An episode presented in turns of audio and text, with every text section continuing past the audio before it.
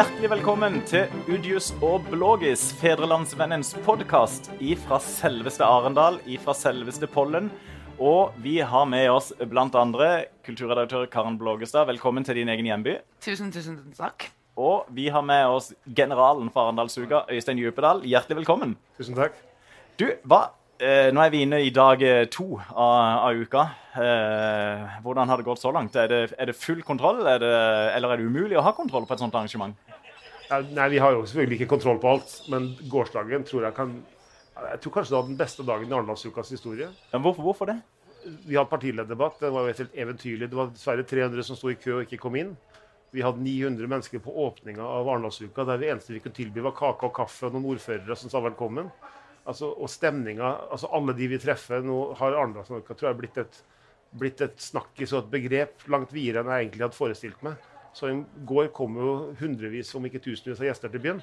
Og det var veldig flott, og været var nydelig. Så det var en veldig fin ramme på starten av denne politiske festuka som vi nå har. Men, men 300 mennesker som ikke kom inn, rett og slett. Er det, eh, er det, en liten nedtur oppi det hele, med litt sånn oi, blir de misfornøyde? Eller, eller, er det bare sånn må det være? Det, det er bare bra? Vi har plass til 700 gjester i Store Torungen, altså den store salen i Kulturhuset. Og den var smekkfull i går. Vi skulle veldig veldig gjerne hatt de 300 andre også. Men da måtte vi i så fall ha ordna med noe tilstøtende rom, og da sitter de egentlig i et rom der ikke debatten foregår. Da kan de like gjerne gå på pub og ta seg en øl og se debatten der. Men vi hadde veldig veldig gjerne sett at alle de 300 hadde vi hatt plass til i storsalen. Men jeg tviler på at ordføreren vil bygge ut Kulturhuset. Det tror jeg noe på. Men du, Arendalsuka den vokser og vokser ja. og vokser og vokser. Hvor stor kan den bli? Eller hva tenker du om framtida? Ja, hvis du bare ser rundt deg her nå, så ser du alle disse båtene som ligger på den. Mm. De var ikke der i fjor. Nei. Nei, og det er mennesker som ikke har fått hotell og som da har hatt vanskelig med å finne overnatting, så leier de seg en båt og legger seg her, og så profilerer de selskapet eller organisasjonen sin samtidig. Det er mange hundre mennesker som bare bor her. Og den kreativiteten som vises med at folk leier boligen sin, folk drar på hytta og låner vi har i huset, vi har stappfullt hus. Vi måtte kjøpe oss en sånn luftmadrass for å få plass til den siste gjesten. Vi hadde ikke seng, så vi for opp på Harebakken på lørdag og kjøpte en luftmadrass. Det skulle du tenkt på videre, at du kunne Og så sa vi til han at hvis du, du, er hjertelig velkommen, men alt vi kan tilby, det er i kjellerstua en luftmadrass. Det var mer godt nok. Og, jeg, og det er egentlig der kapasiteten ligger. Hvor mye kan byen absorbere av overnatting og bespisning og sånt?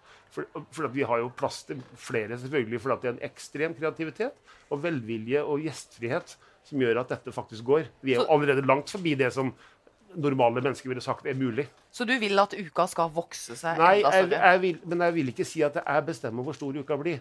Altså, Hvis en organisasjon har et møte, og det ikke kommer noen mennesker, så har de sikkert ikke møte neste år.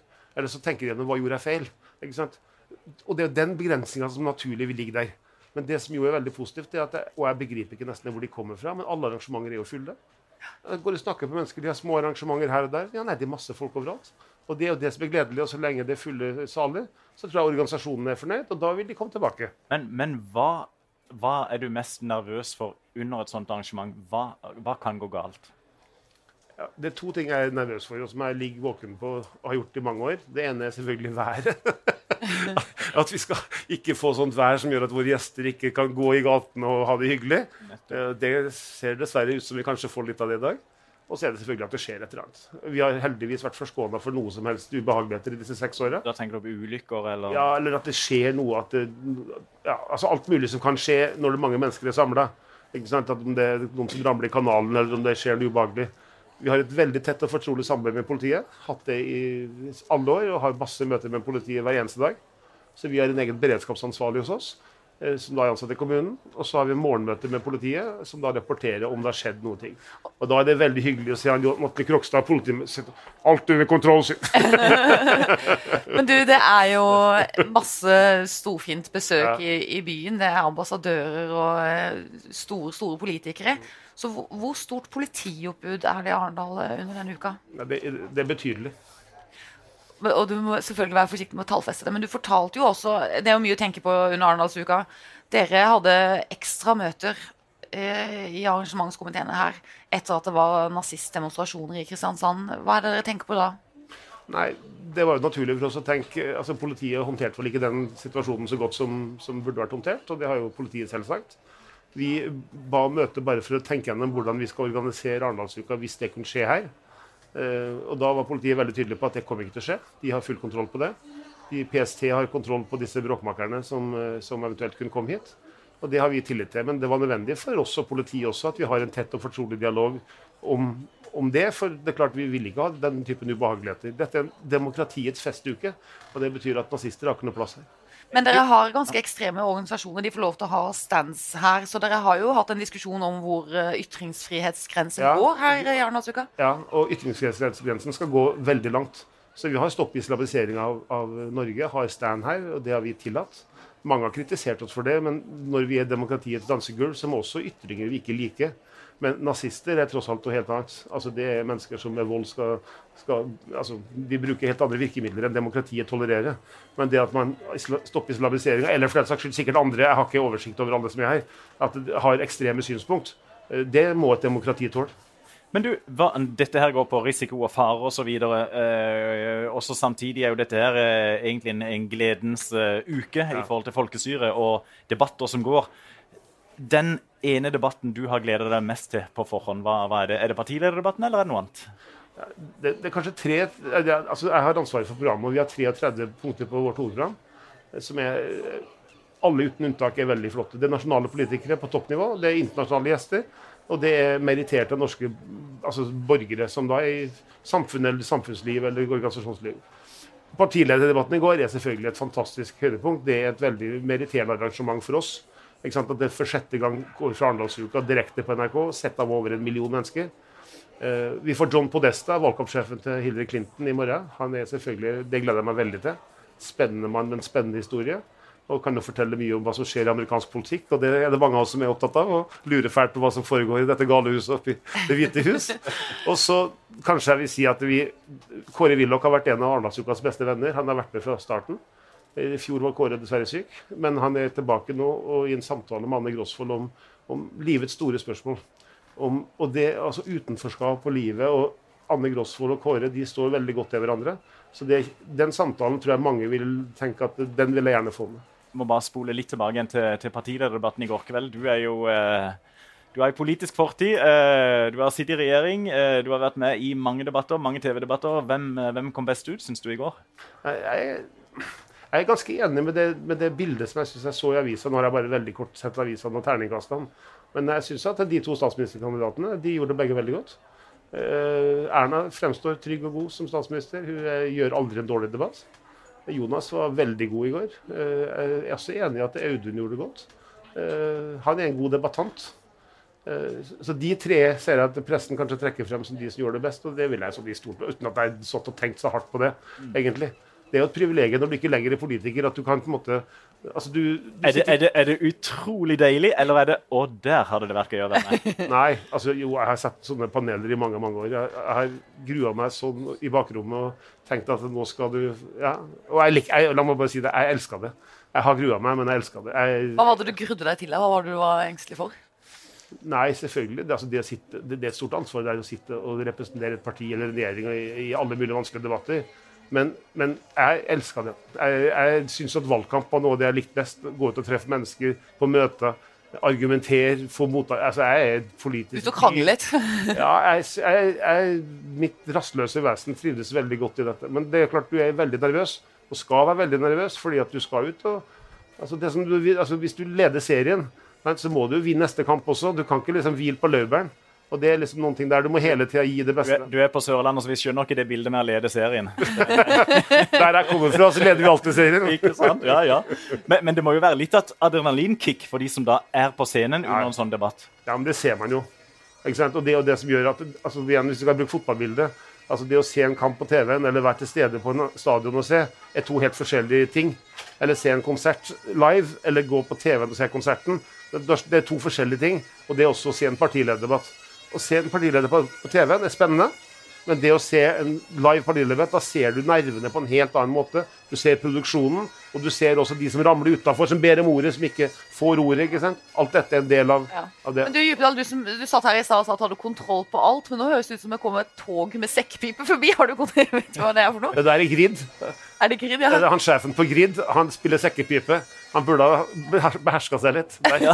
Der sitter han. Han hørte det, ja. Han ga seg. Ja, ja, ja. Du, eh, Det har blitt sagt at dette er eh, et eh, elitearrangement. Det er lobbyistene, det profesjonelle organisasjonslivet, veldig ressurssterke borgere. eh, tung- altså et tungt Ja. Jeg så min kollega kulturredaktør i Aftenposten, Sara Sørheim, skrev i går at dette er Skravlekastens Øyafestival. Ja. Hva må dere tenke på der, for at ikke det skal bli en sånn der, en stor presselosje alt her? på en måte? Men det er riktig. Vi, Ja. vi er det også. Ikke sant? Det er klart at det, Der det er mange viktige politikere, kommer det mange som vil påvirke. Det, det, det er sånn det. Da kommer mediefolka, da kommer liksom kommunikasjonsfolka. Det vet vi. Men Arendalsuka er veldig mye mer. Hvis du går på partilederdebatten i går og ser det var 700 mennesker i salen, det var ikke én lobbyist der. For der har de ingen å lobbe mot. De som kom der, kom fordi de var interessert i å se debatten. De 300 som sto i kø, det var ikke lobbyister eller elite. Sånn. så. Det var vanlige borgere fra Arendal, og Grimstad og Kristiansand som satt der og tenkte at nå skal vi få med oss en fantastisk politisk debatt.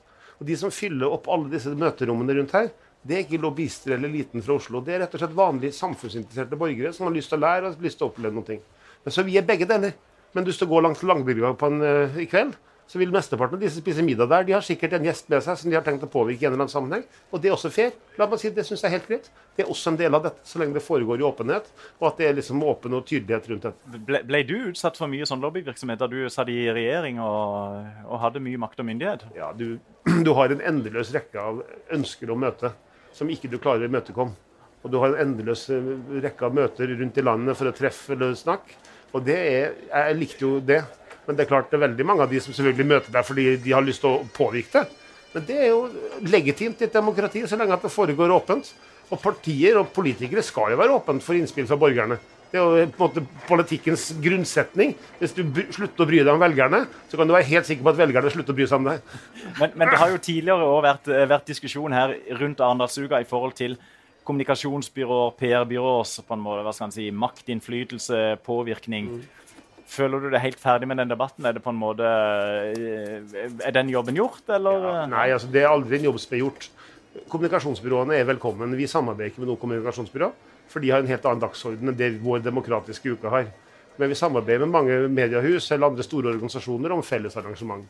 Den episoden som lå lengt tilbake, det er en episode som er ferdig. eh, Og vi har ikke hatt eh, Eller det er ikke, det er ikke noe vi tenker på i dag. Hvis du løfter blikket litt eh, og tenker Arendalsuka om fem år, eh, hvordan ser den ut da i forhold til i dag? Det vet jeg egentlig ikke, og ikke vet jeg at det er som sitter her eller da. Fordi at det, I sånne jobber som dette så må man være veldig varsom med at ikke du sitter for lenge. Fordi at Arendalsuka har bruk for en kontinuitet fornyelse. Og det er klart Nå har vi gjort dette i seks år, eller egentlig sju år. da, Det første programmet ble avlyst pga. Av terroren. Og det når en grense der du måtte bare gjenta deg sjøl. Så, vi- så vi har bruk for fornyelse. så Det tenker jeg mye på, hvor lenge jeg skal være med på dette. Og ikke det nødvendig å tenke at vi må ha fornyelse. Ja, Mener du det? altså? For, for Når en snakker med folk rundt forbi her, så, så er det én ting som går igjen, og det er på en måte uten Øystein hadde ikke dette gått. Men, men Alt har en tid. Alt har sin tid.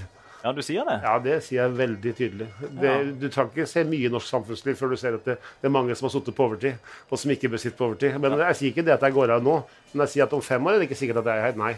Men jeg håper at Arendalsuka, uansett hvem som sitter her, er en levende dansegulv for demokratiet. At politikere kommer hit fordi at her er det meningsfullt å være, at media kommer for her er det meningsfullt å være, at borgerne er til stede på arrangementene. at vi at vi har, fyller byen med glede og demokrati og latter, det er drømmen. Og det har vi jo klart så langt. Men, men, men hva måtte til for at du en sen kveldstime i, eh, i slutten av august et år tenker Nå er jeg ferdig. Nei, det er ikke sånn dette foregår, for det foregår i en kontinuerlig dialog. Altså, Vi har et råd som leder Arendalsuka. De har bedt meg om å være leder av programkomiteen. Og hvis de ber meg til høsten, så vil jeg svare ja til det for neste år. Men det vil være en prosess over år som gjør at man tenker at må, man må ha bruk for fornyelse. Og ingen er uunnværlig, eh, og i hvert fall ikke når du sitter i en så utsatt posisjon. Vi har hatt flaks på mange måter. Vi har lagd gode programmer og hatt mye folk på våre arrangementer. Litt, du, må, du må si det. Har vært flink òg, må du ikke det?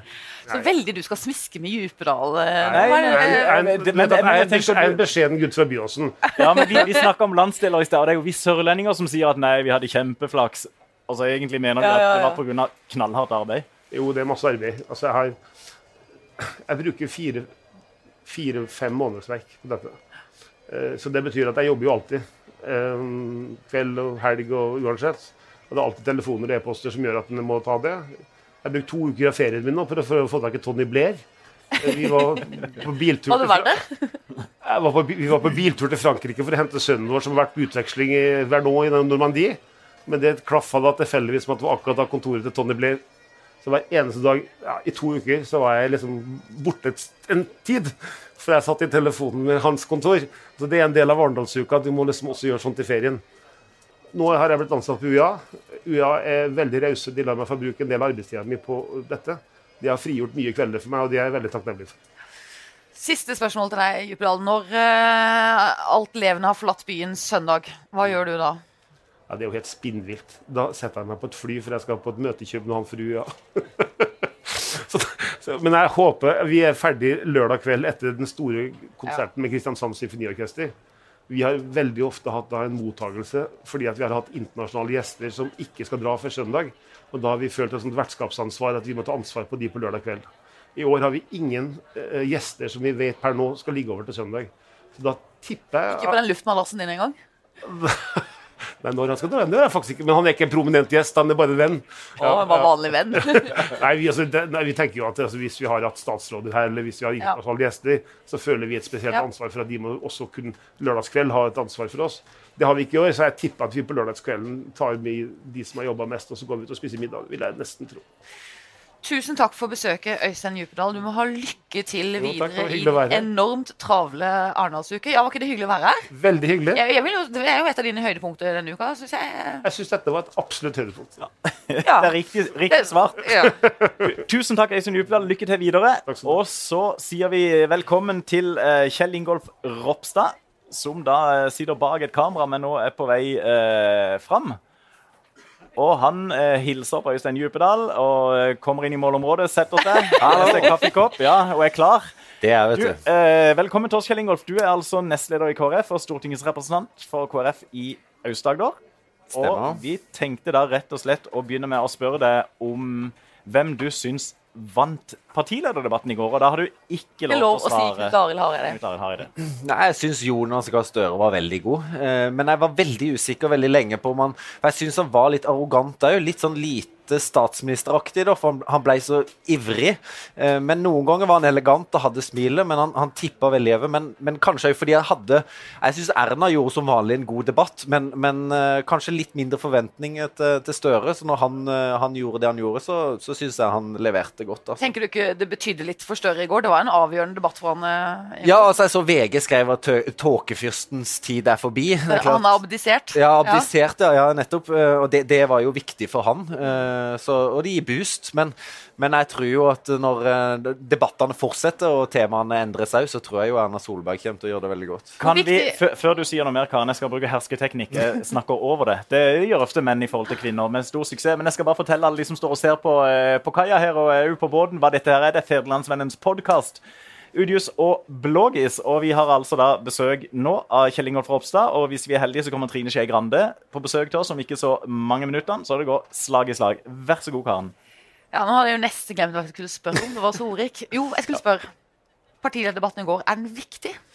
Ja, Beveger den velgere? Nei, ja, jeg er veldig usikker på det. Altså, denne, partilederen forbereder seg jo ekstremt godt, og for deg så er det veldig viktig.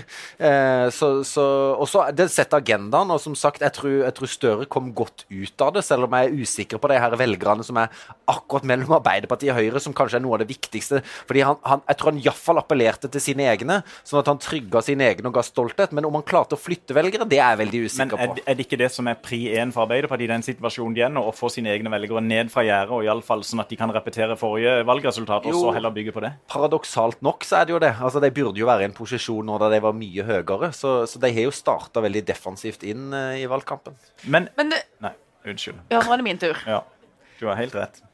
Eh, hva, hvordan, hva tenker du om din egen situasjon og standing i det politiske landskapet akkurat nå, Kjell Ingolf? For du, har jo, du er jo en av de politikerne som har den mest spennende valgkampen egentlig i høst, altså. Ja, altså, Analysere hvordan det ser ut ja, akkurat nå. Aust-Agder ser er vi tre faste mandat, også dette her berømte utjevningsmandatet. Og jeg har kommet inn to ganger på utjevningsmandat, så i utgangspunktet så er sjansene mine relativt gode. Men så er det jo sånn i Aust-Agder så har det vært uh, naturlig at Arbeiderpartiet, Høyre og Frp har tatt ett hver de siste gangene. Uh, nå har det vært veldig mye bråk i Frp lokalt. Om det får noen innvirkning på resultatet, er jeg veldig usikker på. Du har bare sittet og Ja, til på. tider er det, men det paradoksale i dette da, er jo hvis Frp ikke får det tredje mandatet, sånn som det er gjort, så kan Arbeiderpartiet fort ta to mandat i Aust-Agder. Og da er det vanskeligere for meg å ta utjevningsmandatet. Så min strategi Fordi- er veldig tydelig. Ja, for da tar Frp utjevningsmandatet. Min strategi er veldig tydelig. Det er at vi skal ta det distriktsmandatet.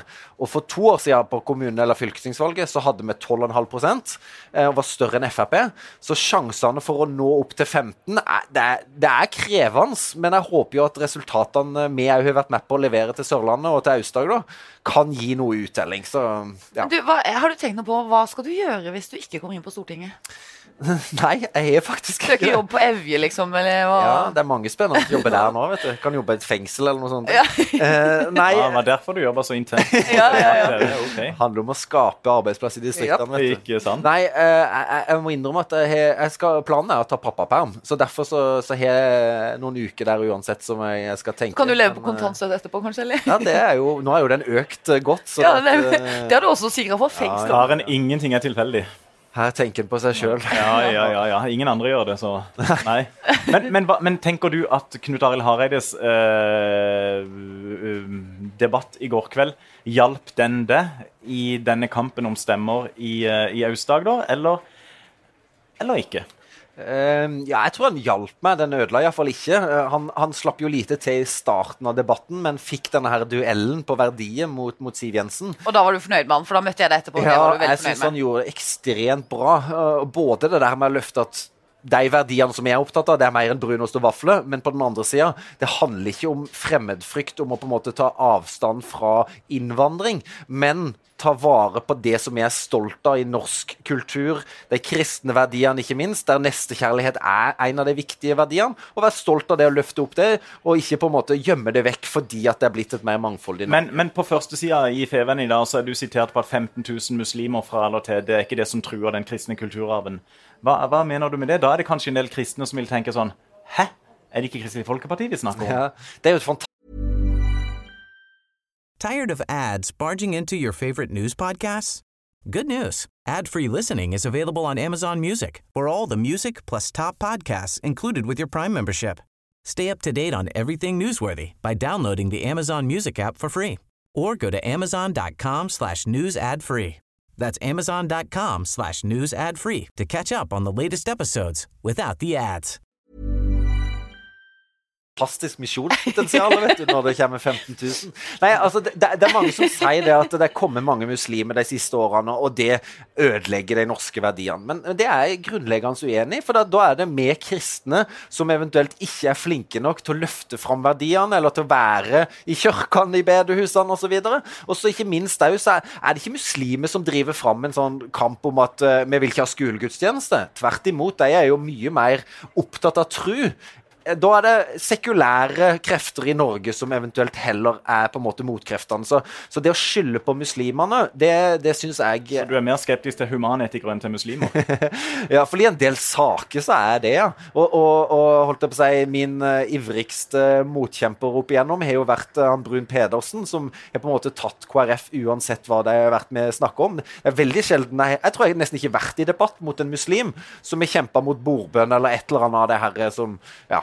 Den diskusjonen eh, som Arbeiderpartiet hadde på landsmøtet sitt om eh, KNI, KRLE, eh, altså, og deres forhold til religiøsitet i skolen og sånn, er det noe av beveggrunnene for at du så tydelig er eh, Vil mye heller samarbeide med Erna enn med Jonas Gahr Støre? Ja, tradisjonelt så har jo Høyre alltid stått KrF nær i en del av de spørsmålene. Og, og rett før sommeren så la jo regjeringa fram en bioteknologimelding som, som gjenger på sorteringssamfunn, som jeg kaller det. Det her med Hvor mye kunnskap skal du vite om et barn før det er født, og hvor mye skal du åpne opp for at det eventuelt kan da tas abort. Eh, de type spørsmål har jo vært veldig viktige med Høyre, men òg som du nevner, det her med trossamfunn. Og Jeg kom nettopp fra en debatt der i Arendalsveka som gikk på finansiering av trossamfunn, der Arbeiderpartiet vil innføre et krav om 40 kvinneandel. Det, det, I utgangspunktet er ikke det vanskelig å støtte, for likestilling er ekstremt viktig, men da kommer det inn i trossamfunnsanliggende. Men er det, ikke- er det ikke sånn ja, Frelsesarmeen, f.eks. Ja, men- Samlivsformer. Skal de miste statsstøtte? Dette er jo er det ikke så, er typisk det ikke, Arbeiderpartiet er det, griper inn i. Men er det ikke sånn verden går framover? Ved at samfunnet rundt øh, virkelighetsorienterer de religiøse samfunnene. Hvor hadde likestillinga vært i dag i, i kristne og religiøse sammenhenger hvis ikke det hadde vært for samfunnet rundt? Eh, Ja, det, det er uten tvil sånn at en alltid er i bevegelse, og trossamfunn vil òg det. Men spørsmålet er hvor langt inn skal du gripe inn i trossamfunn, og når skal den få lov til å bestemme teologisk sjøl? Det har vært et viktig skille nå mellom stat og kirke, nettopp fordi at kirka, statskirka eller folkekirka da, skal få lov å bestemme de indre anliggende sjøl. Og det er ekstremt viktig, tenker jeg. Altså, hvis en som eh, kristen eller som muslim da ikke kan gi uttrykk for det en mener er riktig, det en tror på, og blir pålagt noe annet av staten, ja, da er du i samfunn som ikke jeg liker å sammenligne meg med. Men så er den første til å anerkjenne at det er noen vanskelige grenseganger her. Altså et trossamfunn som sier at det, er- det er riktig å slå barn, eksempel. Det er feil. Så den Men, men, da, men, da er jo krevende. men da gjør jo du nettopp det som du tidligere kritiserte Arbeiderpartiet for, nemlig at da griper du inn utenifra og sier at dette kan dere ikke mene, for det er feil. Nei, fordi at det er forskjell på akkurat hva som bryter så grunnleggende norsk lov, og på hva som en bør ha en teologisk frihet i. Men som jeg sa, Vidar, vil det, det, må, det er en grense her som er krevende å balansere, men jeg mener at Arbeiderpartiet alltid har grepet over den, mens Høyre tradisjonelt har stått på KrFs side. Men jeg tror Høyre trenger KrF òg, for uh, det var vel Syse som sa det, at når KrF og Høyre samarbeider, så får en fram det beste i hverandre.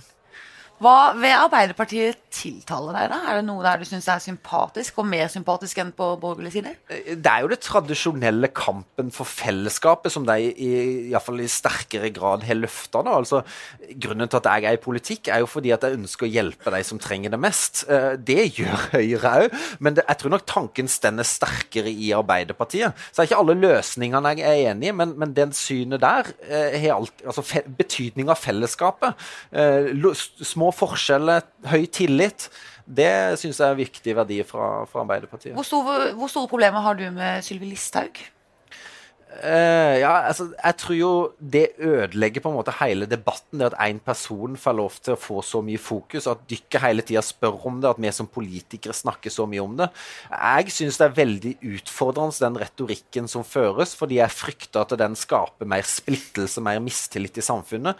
Nettopp det som jeg syns er viktige verdier da, å ta vare på. Så mm, Vanskelig. det er vanskelig, ja. Du, Kjell Ingolf, hva skal du videre i dag? Helt ærlig så har jeg ikke helt kontroll. jeg skal på en debatt med Røde Kors, og, og, og ja, så skal jeg være med Advokatforeninga og være, sitte i en jury. Ja, nemlig. De skal Det ha sånn er- lekerettssak. Ja, Det er kjempespennende, Ja. for du sitter der, og selv om det bare er fiktivt, så føler du at du har ansvar for et menneskes liv. Så det, det, det omtrent som å være politiker. Litt som å være Gud, kanskje. Ja, det, var, det var en fleipete avslutning på, på intervjuet. Så, men Kjell Ingolf Ropstad, eh, tusen takk for at du tok deg tid til å komme her i en travel hverdag i Arendal. Kan vi si lykke til videre i valgkampen uten å bli Uten at det blir for politisk farget. Ja. Ja, vi gjør det. Han kommer fra. Aust-Agder, vi Ja. heier på han. Lykke til videre i valgkamp. Takk for at du kom, Kjell Ingolf Ropstad. Og da er det selveste Trine Skei Grande som er på vei inn i uh, studiobåten i uh, Pollen. Hjertelig velkommen til oss, og takk for at du uh, tok deg tid til å komme. Nei, men Det var bare hyggelig. Kaffe og dere òg. Ja, og og greier, rett og slett. Og du kommer jo ifra en tøff dag i går, som ble jo avslutta med selveste partilederdebatten. Ja, Det føles litt som sånn tentamen på skolen. Det er ikke eksamen, for det er kanskje valgdagen, men det, vi har noen sånne mellomtentamener, og partileder var det den følelsen. hvordan syns du det gikk i går, da? Fortell, Hva var din opplevelse av det? Nei, jeg syns vi ble litt kjeftete. Jeg er litt usikker på de unge velgerne som jeg skal nå, da når vi dem med denne type debatter? Eh, syns de at de får noe informasjon som de liksom kan bruke i det å bestemme avgjørelse? Det er jeg ikke helt sikker på. Men Men eh, jeg syns jo at jeg fikk snakka en god del om småbedrifter, som jeg er opptatt av. Og så syns jeg at jeg ikke fikk snakka mer om miljø og skole. Det skulle jeg gjerne snakka mer Ja, om. riktig. Ja, er Du, det- jeg må spørre deg om en ting. Når du eh, skal inn i en sånn partilederdebatt som er den første direktesendte på TV i valgkampen i 2017, det minuttet før du skal inn på scenen der, hva foregår oppi hodet til Trine Skei Grande da? Nei, jeg tror vi alle er litt sånn som eh, er litt eh, Prøver å gå oss sjøl og finne den derre driven. Eh, og den var jo veldig til stede hos veldig mange i var veldig mange, mange var Ja. veldig mye til stede også. det var nesten litt for mye av og til. Men, men eh, den tror jeg jo alle føler at dette er liksom det store avsparket. Så selv om jeg har drevet valgkamp eh, helt siden mai, føler jeg nå, hver eneste dag, så, så var dette en sånn inngang til en finale, da. Som eh, blir kjempeviktig for hvordan resultatet blir her. Fikk du rede på temaene på forhånd, sånn at du er forberedt? Ja, vi vet litt om temaene, og så er det like, av og til like forvirrende som det er rettledende. For det hender jo at programlederne har en plan, og så har du forberedt deg ut fra den planen som Ah. Så de har sagt. Og så er det ikke alltid at de følger sin egen plan. Og da blir det litt vanskelig. Men du, du har hatt en travel eh, sommer. eh, Fortell om det. Hva har du gjort i sommer? Nei, jeg har avlyst sommerferien pga. at vi Ja. hadde skikkelig dårlige målinger. Eh, og så leasa jeg meg en bil. Min livs første bil. Er det sant? Ja. Hvordan- Jeg har aldri eid en bil. Er du skadefri så langt? Ja, det går helt fint. Eh, Nå har jeg hatt veldig mange som har bidratt på sjåførsida. Så det er bare, Å ja, det er liksom min, sjåfør, ja. min første bil. Jeg har førerkort og sånn. Så Ah. hva, hva slags bil er dette? dette er en Renault Zoe. Elbil. Som eh, elbil. Som vi har frasa rundt i hele landet med. Uten noen problemer og rekkeviddeangst. Vi har vært forberedt på at det skal være krevende, men det har det faktisk ikke vært. Det interessante er at dess mer urbane strøk det, du er i, dess mer problemer har du. Og dess mer rurale strøk det er, dess lettere var det. Det, eller? Sogn og Fjordane er det beste elbilfylket. I all verden. Fordi at de er kjempegode på ladestasjoner Ja, langs alle hovedveiene Ja. sine. Men du bare avlyste sommerferien. Du avlyste og- sommerferien, og så tenkte jeg hvem er det som jobber om sommeren som det hadde vært gøy å besøke? Jo, alle gründere, småbedriftseiere, alle de andre som ikke Nei, har dette er jo bare. Venstres, Venstres valgprogram. Du kunne bare Ja, sånn- men det liksom her satt eh, Og visste jeg at alle de som, andre som ikke hadde sommerferie, var en gruppe som vi bryr oss mye om. Og som vi både har gjort mye bra for når det gjelder kapital, sykelønn, ja, mange sånne Men områder. Hvorfor skulle du ut til de, da? For de har du jo på en måte allerede som velgere, eller har du ikke det? Nei, jeg tror at mange av dem har glemt litt hva Venstre har gjort på, på småbedrifter. Og at litt av utfordringa med hele samarbeidsmodellen vi har hatt på borgerlig side denne perioden, er jo at mange av de sakene som har vært vanskelige mellom oss, har syntes godt. Så innvandring og miljø liksom har blitt veldig synlig. Mens de sakene som har gått smooth om det handler om mindre søppel i havet, eller om det handler om småbedrifter, eller skolesatsinga og lærerløftet og alt det vi har fått til på det. Flere studieplasser, løfta Universitetet i Agder masse. Eh, så, så har ikke det vært så mye omtalt, fordi at det har vi vært enige om.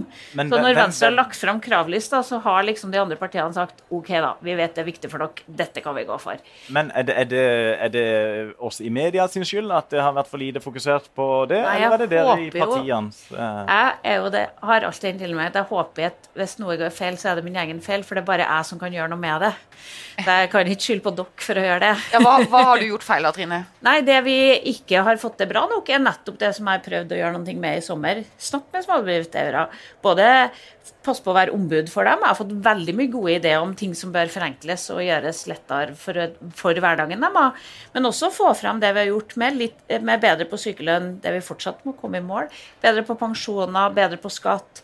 Bedre på lettere å få investeringer inn i gründerideene sine. Men- Men Gründerne er jo en viktig sak for Venstre, men en annen eh, sak som mange har stemt på dere for, er jo klima. Men klima har vært nesten borte eh, i noen måneder Jeg, nå. jeg tror at alle vet at Venstre kommer til å stå på for klima, og at vi faktisk lykkes. Men det er ikke en sak som er langt framme i, i media, eller som er debattert veldig mye, eller langt framme i pannebrasken på i Nei, i du ser vi sliter med å få det inn som en tema i, i en partilederdebatt, f.eks.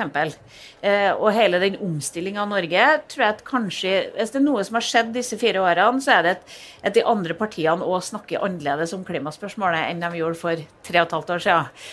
Er det, er det blitt for, for stor enighet egentlig i klimapolitikken? Nei, men Venstre har fått til såpass mye at det er ikke det er liksom ikke så akutt som det var for fire år siden. da. Venstre har, jo- har redda klima. Nei, men du kan si at å Se dette enkelt, da. De satte oss en del klimamål innen 2020. Eh, vi har kutta to tredjedeler av det eh, i løpet av denne perioden. Så nå, har vi, nå er vi to tredjedeler nærmere målet i 2020 som vi satte oss i klimaforliket. Så når Erna sa vi skal forsterke klimaforliket, så har vi gjort det. Eh, og vi har, vi har fått gjennom veldig mange Og veldig mange av de tingene går fortere enn vi trodde. Jeg skal innrømme det når vi satt i Nydalen, så trodde ikke jeg på Ketil Solvik-Olsen, og han sa til meg det kommer til å gå mye fortere på å omstille bilparken enn du tror, Trine. Og akkurat dette skal jeg gi rett i. Når vi nå ser at det nærmer seg snart 40% av nybilsalget som er eh, nullutslippsbiler lavutslippsbiler, så, så har mange av disse omstillingene gått utrolig mye fortere enn noen av oss frykta. Men, men i, i lys av eh, må vi bare si at Hvis noen hører, syns de hører hornmusikk, så, så er stemmer Det, det. det, det det. er det hjertet. Det er inni er hjertet når vi snakker miljø. Da kommer det hornmusikk. Ja, ja, ja. Og Bortsett fra det så kommer det også et orkester på andre sida av pollen her. Men du, når, du, når du viser til alt dere har fått til, og alt dere kjemper for, og du har jobba eh, som bare det i hele sommer, og alliavel så viser den ene målinga etter den andre Venstre 3,3 hva, hva, hva, hvorfor, hvorfor får du Nei, partiet? nå må løfta journalistene begynne å følge med, for i morges våkna jeg til 4,4. 1-0. Så, så det, dette vi, Og vi har merka det lenge, vi som driver valgkamp på grasrota. Jeg gjør jo alt fra å banke dører til å sitte i partilederdebatt. Og rapporten fra venstrefolk på grunnplanet er at nå er det noe som er i ferd med å skje. Nå løsner det for oss som banker dører og står på stand. og Er, er det, høyrevelgere som er redde for å miste det borgerlige flertallet, som låner stemmen til dere? eller? Nei, for det første så liker ikke jeg det her med at man snakker om at noen eier stemmer. Spesielt de store partiene. De eier liksom alle stemmene, og så drypper det av og til ned. Sånn er det ikke. Eh, Du må ha respekt for velgere, at de faktisk velger på det partiet som de tror det er rett. Og jeg tror at andelen taktiske stemmer, det utligner hverandre. For å si det sånn, hvor mange stemmer Venstre har tapt i mange valg fordi at folk var redd for at det var å kaste bort stemmen sin pga. sperregrensa, det har, det, det har vi tapt mye Men- mer enn det andre men- taktiske Men, men det er på en måte borgerlig innstilte, liberale høyrevelgere som er, som er en viktig målgruppe for dere, er det ikke det? I går møtte jeg noen ungdommer som har vokst opp i tradisjonell Høyre-familie, men som syntes at Høyre ikke var grønt nok. Men at Høyre ble veldig mye grønnere når de hadde et, et Venstre med seg. Jeg tror mange sånne typer vurderinger som, eh, som ligger der. Og så tror jeg at eh, vi har velgere som har sittet på gjerdet, og som ikke har vært helt trygge på hvor vi har vært på skalaen. Og når vi framstår som tryggere, så er det veldig mange som detter ned igjen på, Men vi, på har dere, når dere er i den posisjonen som dere er nå, eh, Venstre, eh, undersøker dere noe Altså hvorfor de velgerne som har forlatt dere, hvorfor de forlater dere? Har du snakka med noen av de? Ja, vi snakker Hvorfor har de vendt dere i ryggen? Vi snakker jo med veldig mange velgere, og, det, og, det så, og vi har en del undersøkelser også. og Det er ikke så mange som vender oss ryggen, men det er ganske mange som hopper opp på gjerdet. Og det er et kjennetegn til Venstre-velgere. De hopper opp på gjerdet, er ganske kravstore, tenker gjennom hva de skal velge, og så må vi De er for smarte, rett og slett? Eller litt sånn for kritiske? Jeg digger mine velgere. jeg syns de er veldig kule. Og da, men litt kravstore av og til. Ja, de kunne vært å- litt mer entusiastiske, si. Nei, de er entusiastiske, men de må være helt sikre. Og det, si, det merker jeg når jeg reiser rundt og snakker med folk, at folk tar det veldig alvorlig hva de skal stemme. Og folk bruker mye tid på å sette seg inn i det, eh, og virkelig prøver å ende med det som er rett. Og så er det mange som det liksom sier valgforskeren bestemmer seg i siste liten og sånn. Ja, det er det mange som gjør, men de står oftest mellom to. De er litt u... Og du finner alle et parti du er helt enig med, alle sammen. Så må du finne ut hvilke saker er viktige for deg, og hvem prioriterer det best, og hvordan får jeg gjennom de sakene best. Sånn tenker veldig mange flere velgere enn det høres ut når vi snakker om det i Men, debatter. men, men nå har du vært Venstre-leder i åtte år. Eh, og du overtok da Lars Bonheim trakk seg eh, valgnatta åtte år siden fordi at 4% glapp. Vi, eh, Jeg har sittet i åtte år i tomannsgruppe, så slutt å si at det går dårlig selv om man sitter i tomannsgruppe. Nei, for jeg tenkte egentlig å spørre eh, Vil du også trekke deg hvis det, hvis det havner under 4% nå? Nei, men Det planlegger ikke jeg ut ifra. Jeg planlegger at dette skal gå bra, og alt tyder nå på at det gjør det. Både de lokale målingene, som vi ser at vi vokser veldig på, og i, i dag fikk vi endelig en nasjonal måling som spente gjennom denne lista. Og da er det det jeg tror det kommer til å være viktig både for statsministervalget at Venstre klarer den, eh, den sperregrensa. Og så er det, er det, viktig for miljøet, og at noen faktisk står på for eh, de tradisjonelle, liberale sakene. Men, men uh, her i Agder så, uh, så, er det jo også spennende, særlig med utjevningsmandater, som vel er den realistiske muligheten ja, Venstre, Venstre har. På målinga i dag så er vi inne både i Øst- og Vest-Agder. Og det er jo det gir jo, det gir jo uh, spennende perspektiver, men samtidig så blir vel nedturen desto større hvis det da ikke går uh, allikevel. Men her i Agder, hva, hva blir strategien fram mot valgdagen? Det er 27 dager igjen. Hvordan, hvordan får venstrevelgere fram til uh, stemmeurnene? Dette er jo en av de fylkeslagene som har jobba best med å banke dører. Det høres nesten ut som du sier 'banke inn døra'. Men... Ja, ja, det også. Ja. men, eh, nei, men å snakke med folk, være ute og mobilisere alle. Vi har en kjempebra valgkamp i gjeng også. Vi to veldig gode første- og andrekandidater. Vi stiller jo lik liste i Agder.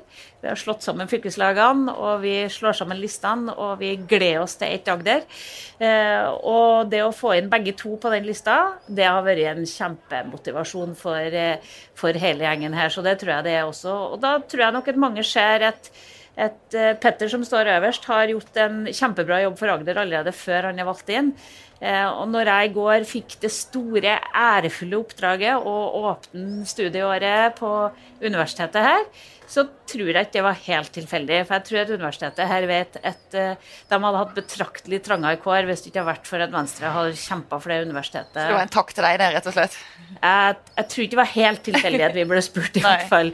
Og jeg ønsker jo at vi skal fortsette med det. Fortsette med hele den omstillinga, for dette er jo virkelig det området i Norge som som har havna i den dumpa som oljeprisen har gitt oss, men som har masse potensial i å konvertere den kompetansen.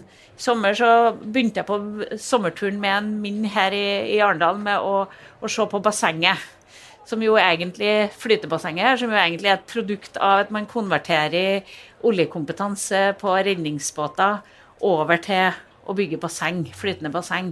Og det viser jo litt hvordan du kan lage nye næringer, nye produkter ut fra den gamle oljekompetansen. da. Og dette skal jo Agder gjennom, og da trenger Agder en, en heiagjeng som både vil løfte kompetanse, næringsliv og det grønne skiftet. Så du mener at Agder er spesielt interessant målgruppe for Venstre, på en måte, for de står i det grønne skiftet og det teknologiskiftet som dere snakker om? Det var ledende spørsmål. Ja, ja men det gjør Nei, jeg jo. Oppsummerer. okay, ja, ja. Kommentere min programleder, for da vil jeg kommentere din nå. Ja, men jeg syns hun hadde rett. Det...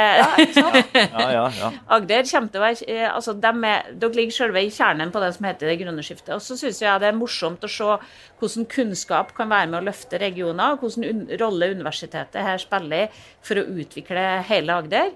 Og at vi har masse muligheter med å koble industrikompetansen, oljekompetansen og universitetet her for å utvikle regionen. Men hvordan skal du få Sørlandet til å bli en sterkere venstrelandsdel? For det har det jo tradisjonelt ikke vært. Venstre har jo ikke vært et sånn suverent parti her er, på Agder. Det er bare én i hele Venstres 100 30 et eller annet år historie, så er det bare én som har vært parlamentarisk leder lenger enn meg. Og det er Røisland. Og nå bladde jeg veldig i Ja, riktig, vi må så tilbake. Ja. og Røisland eh, er jeg ganske stolt av å ha i, i, i Venstre. Mm. Ja, for meg, han, han jobba også masse med småbedrifter, men for meg han det som handler om at du kan koble det sørlandske sinnelaget, og dette var indremisjonsmannen Røisland, som sto helt i front i homokampen i Norge på den tida. Og når du hører Kim Friele snakke om indremisjonsmannen i Røsland som en av dem som gikk i front for homofiles rettigheter, for fjerna endringer i straffeloven, og hvordan det var å være på lag med han, så tenker jeg for meg er det det beste som Sørlandet kan bidra med.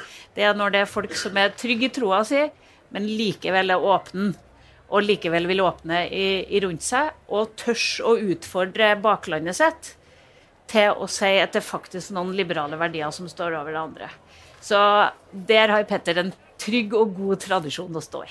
Men Trine Skei Grande og Karen Blågestad, nå begynner det rett og slett å eh, dryppe så smått her i, eh, i pollen i, eh, i Arendal. Du har vel travelt program videre her også nå under Arendalsuka. Hva er liksom next on your agenda? Nei, Jeg har masse sånne greier sånn som dere. Og så har vi partitimen i dag klokka tre. Der vi skal snakke om skole og kunnskap, og hvordan det bl.a.